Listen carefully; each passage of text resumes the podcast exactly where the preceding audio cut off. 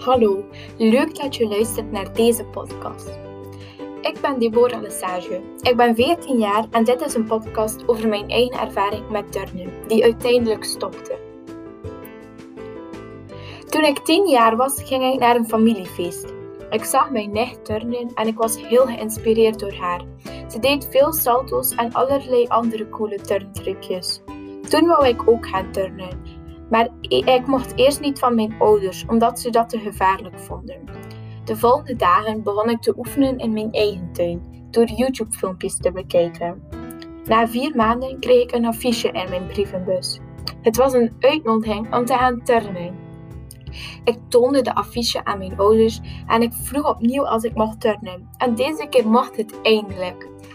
Na een week begon de eerste les. Ik deed het elke maandag een anderhalf uur. Ik kende daar nog niemand, maar ik maakte snel nieuwe vrienden. Mijn turncoach was super aardig, echt een topcoach. Ik leerde veel nieuwe dingen bij. Na een tijdje mocht ik meedoen aan een turnshow die we hadden voorbereid met onze groep. Het was heel spannend, want je wilt natuurlijk niet dat je iets fout doet of iets mislukt. Maar uiteindelijk was het een superleuke ervaring. Na twee jaar turnen had mijn coach haar rugwervel gebroken waardoor ze geen les meer kon geven. Dat vond ik heel jammer. Na de zomervakantie kwam er een nieuwe turncoach. Ze was heel streng en ze was altijd boos op ons. Daarna ben ik gestopt met turnen, want ik leerde niets meer bij en ik vond het niet meer leuk hoe ze ons les gaf.